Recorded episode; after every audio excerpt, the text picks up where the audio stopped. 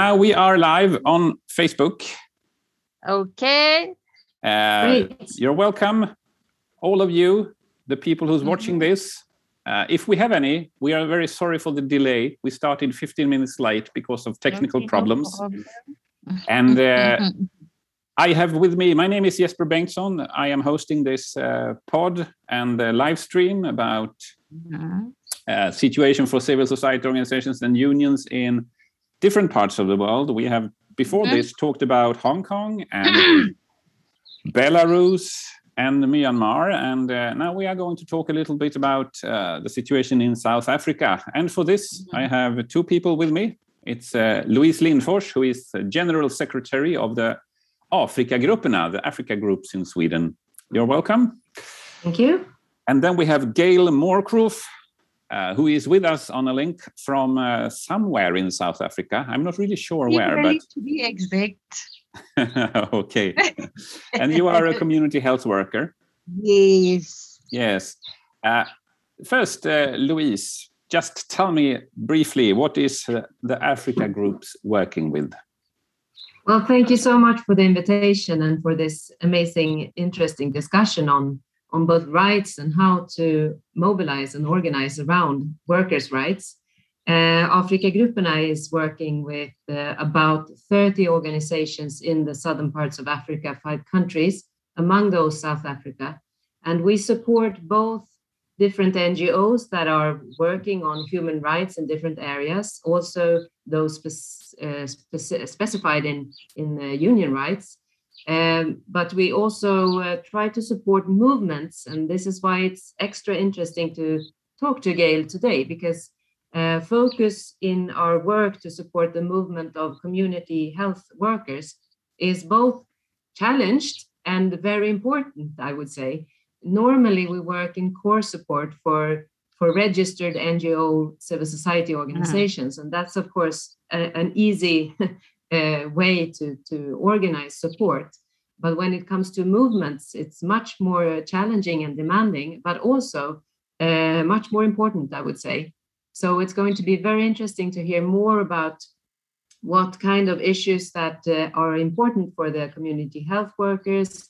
I know you've had a vibrant, interesting meeting uh, this week and discussed the challenges and also what's happened after and during the pandemic uh, linked to human rights and specifically women's rights. Hmm. Okay. Gail, tell us about community healthcare worker movement uh, in South Africa. What does a healthcare worker do, and what what what is the movement doing?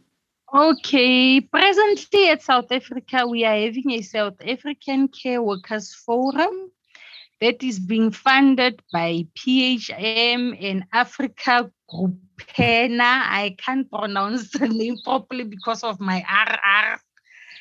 And um, they are helping us in organizing ourselves to get us together and also giving us workshops on human rights, on how to do things. And um, last week we had a workshop, it ended on Sunday, where we were doing plannings and it was funded by Africa Grupena. I don't know if you know the history of DENOSA. DENOSA started just like South African Care Workers Forum. It was a group of nurses coming together and forming this particular organization. And at the present moment, as we speak, the NOSA is at the, the bargaining council. And if you can see, my good sir, I don't think even 40% of CHWs are members of this particular uh, unions. They are just using us. So we are fortunate to have people like PHM, Africa Group, Group, Group, Group, what?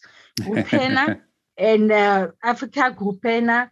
At least uh, we have somebody who cares about us. In the past, we also used to have Section 27 who are helping us with legal issues when it comes to CHWs. Because being a CHW, you know, it's very painful and frustrating. And we ended up also writing a book of stories regarding uh, CHWs, their struggles, where they started. The book is with Africa Grupena. If you need a copy, you can just contact Sylvia or Anna, then they will give the book Hmm. to you.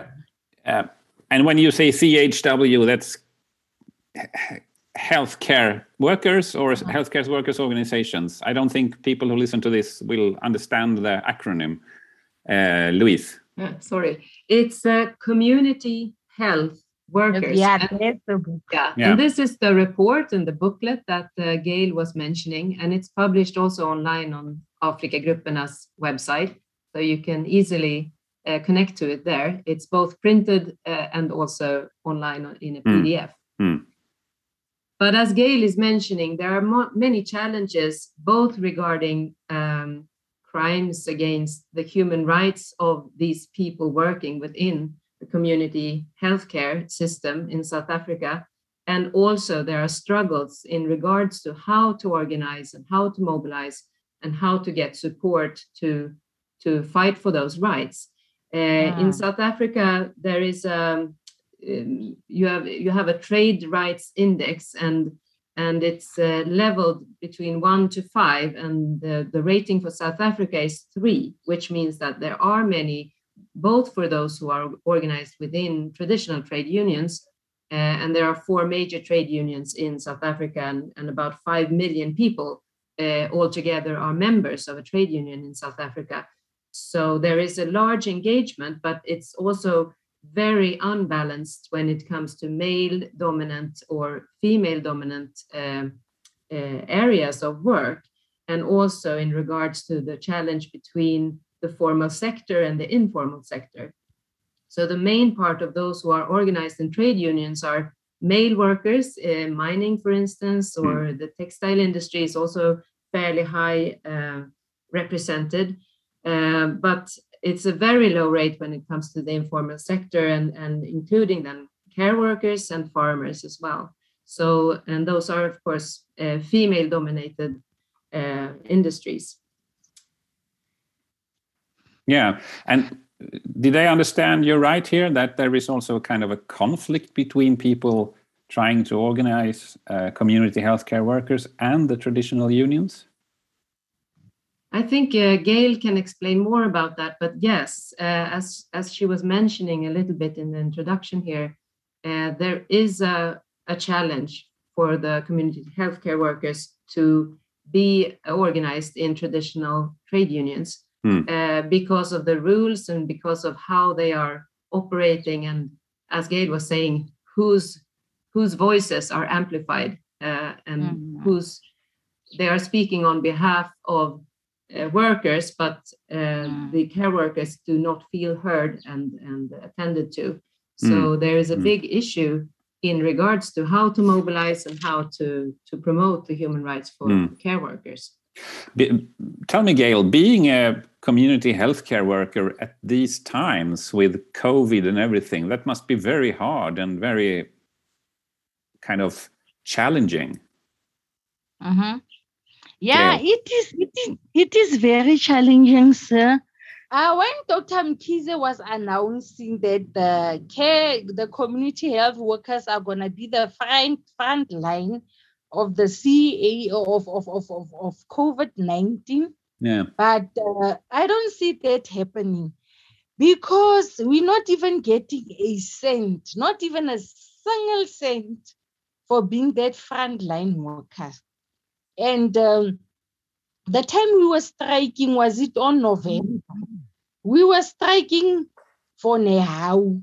And NEHAWU ended up getting money, whereas we did not give, get a single penny. And we, we were running around here, closing clinics, doing all the things, mixing acha. I hope you understand what is acha. No, explain. Acha, we went to the per toilets, we took everything out there and then we mixed it and become it becomes acha. And then we went to Galeshewe Day Hospital to go and mess there. But at the end of the day, we are not seen as nothing. Whenever there is an opportunity for employment, they will go and take the deployees they forget about us CHWs. Mm. And it's very, very difficult. Some of our colleagues, they ended up dying because of COVID-19. They could not even take six bottles of milk to their families just to say thank you. Uh, uh, one of us died and contracted the disease from, from, from, from the facility or within the community. Mm. What the NEC did, he took 50,000 rand to Upington to go and give a Cuban doctor. But when it comes to CSWs, ons manet floor lapa, I don't know how to put it now in Afrikaans. It's like we are people when it's dirty, then we must go and clean. They only know us by then.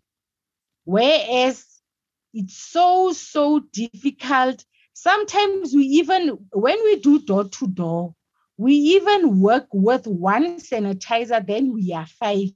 Then you'll have to wait for another person to go to into the house to sanitize the person and take the sanitizer and go to another house, which is really not fair Mm. and it like it's time cons- consuming whereas if each and everyone was given sanitizers you would know that you have your own sanitizer you don't have to wait your colleague to go and sanitize people in the households then we can move forth Mm. and the sad part is that we've lost so many CHWs to COVID 19, but the Department of Health is not saying anything. How I mean, even 75, how much? Six boxes of ShopRite uh, brand. It's 74 rand. It means something.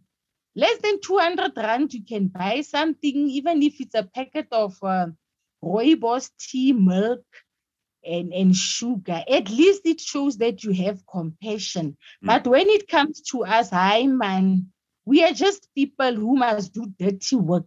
Whenever they need people to do dirty work, they will think of us. There Mm. was a time when there were roadblocks. Uh, the time we were at level five, bulk of, they took bulk of CHWs to go to the roadblocks. When officials of DOH got money, we did not get a single penny. Mm. And we are being infected. I'm one of those people who ended up having COVID. I was not given anything. I had to go to the chemist to go and buy. And I mean, with this 3,000 rent, how am I going to buy those things? Food, insurance, and do all those things with Mm. that little money. So Is it- this thing of COVID-19 is really affect, affecting us badly. Yeah. You describe how you don't get paid for the extra risk, uh, Mm. but is it mainly a question of payment or is it also a question of bad safety? I think both Mm. safety. When you open your book of first aid, the first page says safety comes first, Yeah, yeah, and then other things will follow. yeah. If I don't have a thing to protect myself, I won't be able to, to help the next person because I'm also gonna be at risk. Mm. And the time they were giving nurses and doctors money, oh, at least even half they could have given to us because they are calling us frontline workers. How can you call somebody a frontline worker whereas you are giving them 3,000 rand? Mm. And whenever there's campaign, when it comes to COVID, when there was vaccine drives, they were taking us CHWs. Then you will only see four to five nurses who will be injecting people. We have to register, we have to screen, we have to do all the things.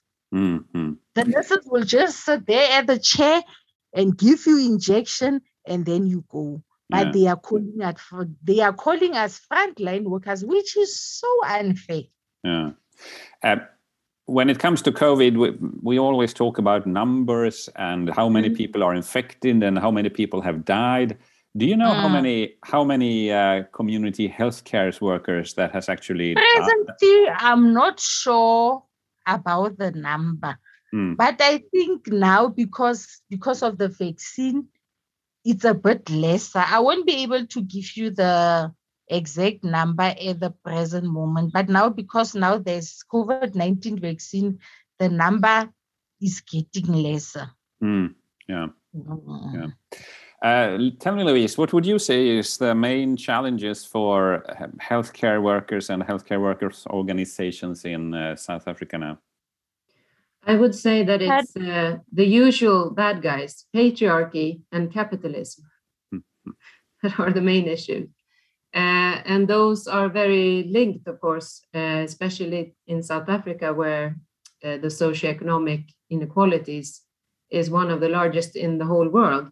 And it's interesting to see if you compare, for instance, resources per person within the private sector of, of uh, healthcare and the public sector of healthcare.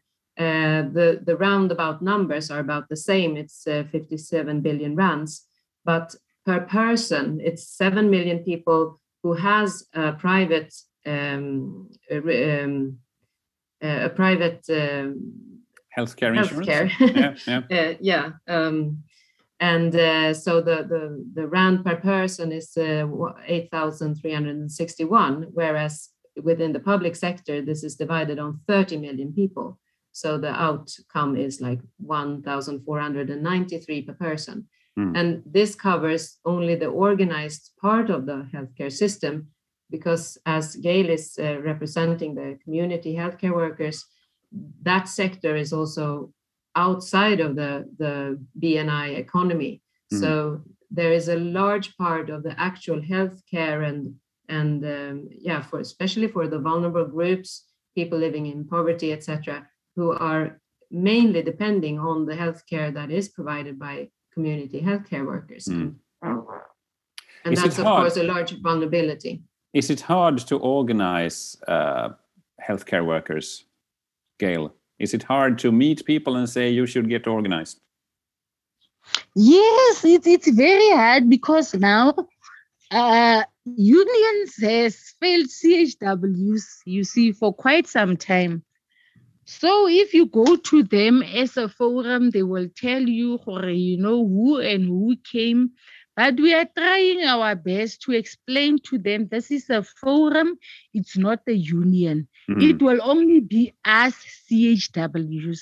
There won't be a nurse, a doctor, or a- a- an administrator. I think I should share this with you. When Ramaphosa was in Kimberley, I think it was, it was three years back. Ramaphosa is the president, just to explain. Yeah, the president of South Africa. Yes. So we went there to go and wait for him as CHWs, but we were not a lot, maybe 100 or 100 and something. And then we wrote a petition to him with a pen and a black paper.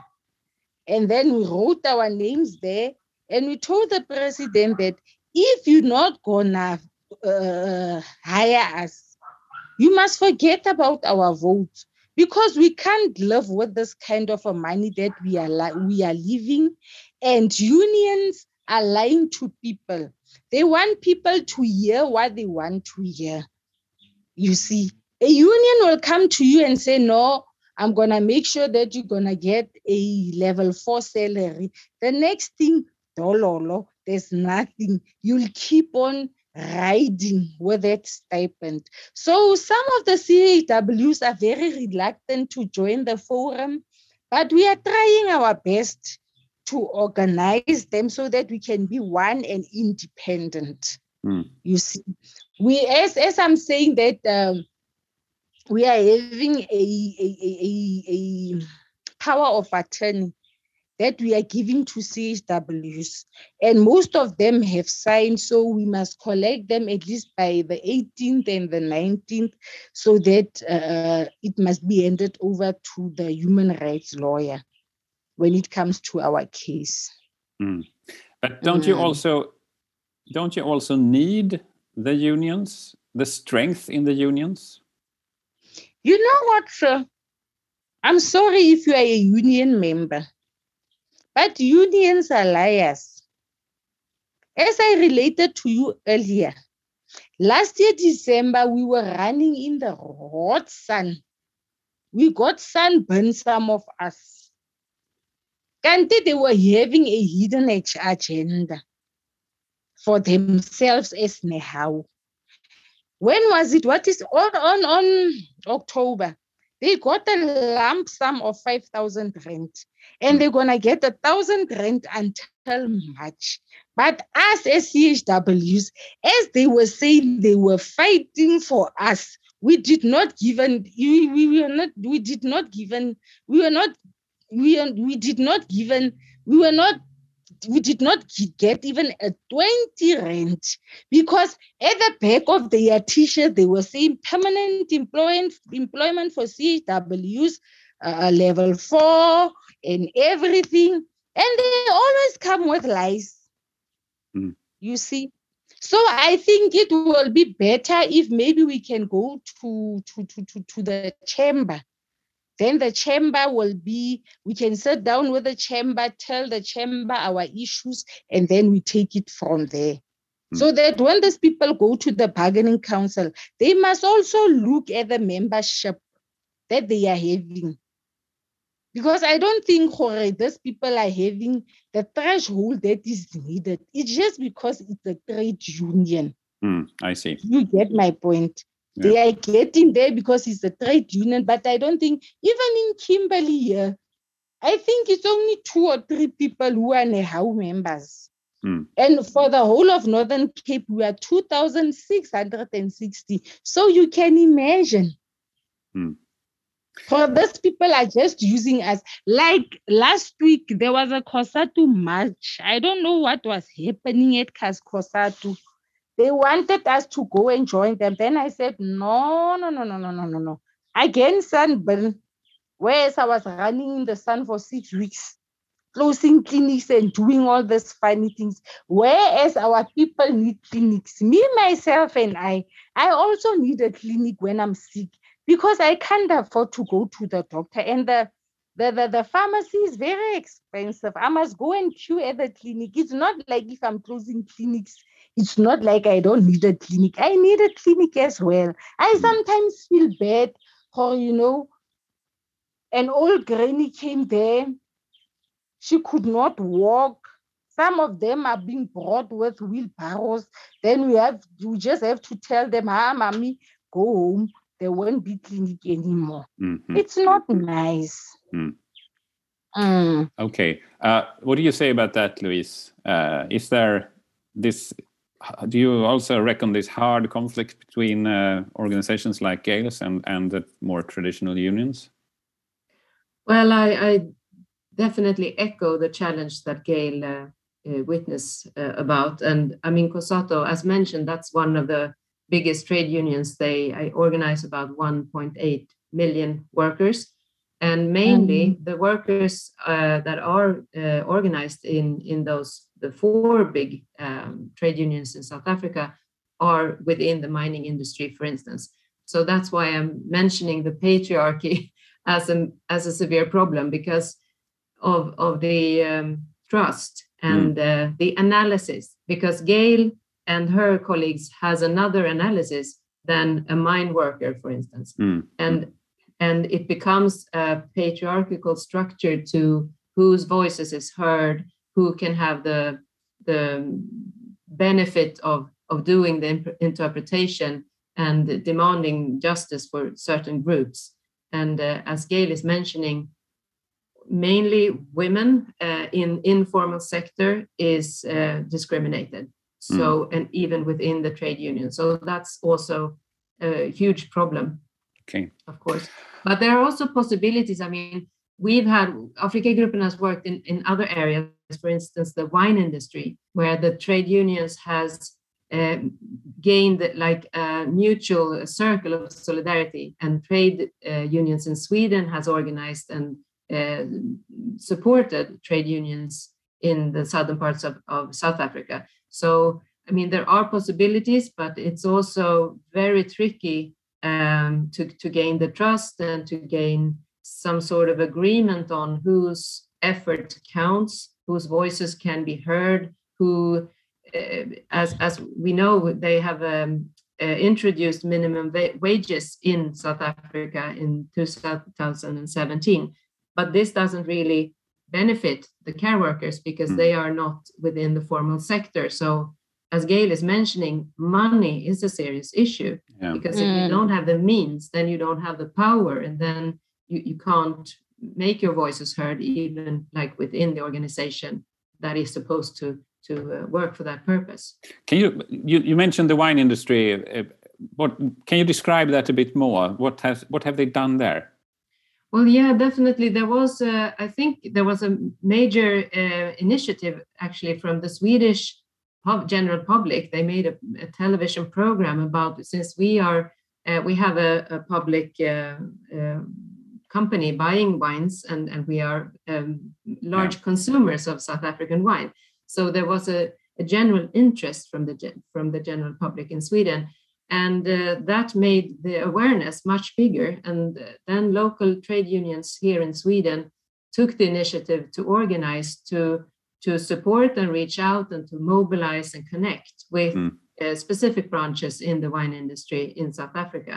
And of course, the working conditions there were really, really poor. It was super difficult, and, and mainly it's still many issues on the vineyards uh, connected to the women's situations uh, because as mentioned most of the men are organized within the trade unions but the women who, who also work often in, in the wine industry mm. are not organized in the same way no, so women's rights becomes all become also like a very very important um, issue here in, yeah. in this dilemma yeah i see Okay, I think our time is running out. Uh, we try to keep this 30 minute talk. Uh, I want to say thank you very much, Gail Moorcroft, who's in uh, Northern Cape, uh, connected on a, a, bit shaky line. We had to start a bit late because of mm -hmm. that, mm-hmm. but the discussion turned out very well, I think. And also thank you to Louise Lindfors at Afrikagrupperna in Sweden. So Mm. Take care, everybody. Thank you so much for organizing Yay. this. And as Thanks you say, uh, nothing, nothing about us without us, Gail. Bye. Thank you for joining. Bye. Bye. Bye.